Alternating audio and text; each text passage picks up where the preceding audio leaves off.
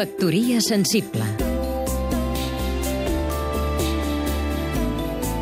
Sergi Dòria, periodista i expert en comunicació.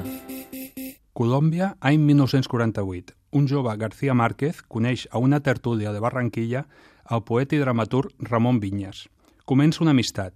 El 1950, Vinyes deixa l'exili i torna a Barcelona per morir el 5 de maig de 1952.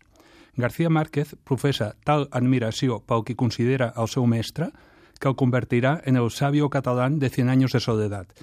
Mentre a Catalunya l'amor de Vinyes passa desapercebuda, a Barranquilla es decreta jornada de dol.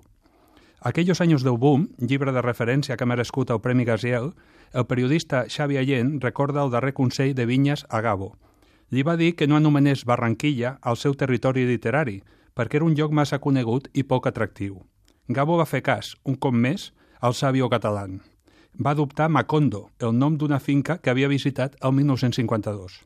No és estrany, apunta Allent, que de tots els personatges de 100 anys de soledat, el de Vinyes sigui l'únic que conserva el seu perfil real i no és alterat per la desbordada imaginació del realisme màgic.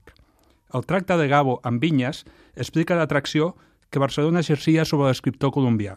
Tot just arriba, l'any 1967, contacta amb Abelí Artís Tisner per viatjar a Berga i conèixer la terra on havia nascut Vinyes. També visita el Teatre Romea, on Vinyes havia estrenat als anys 20 Llegenda de Boires.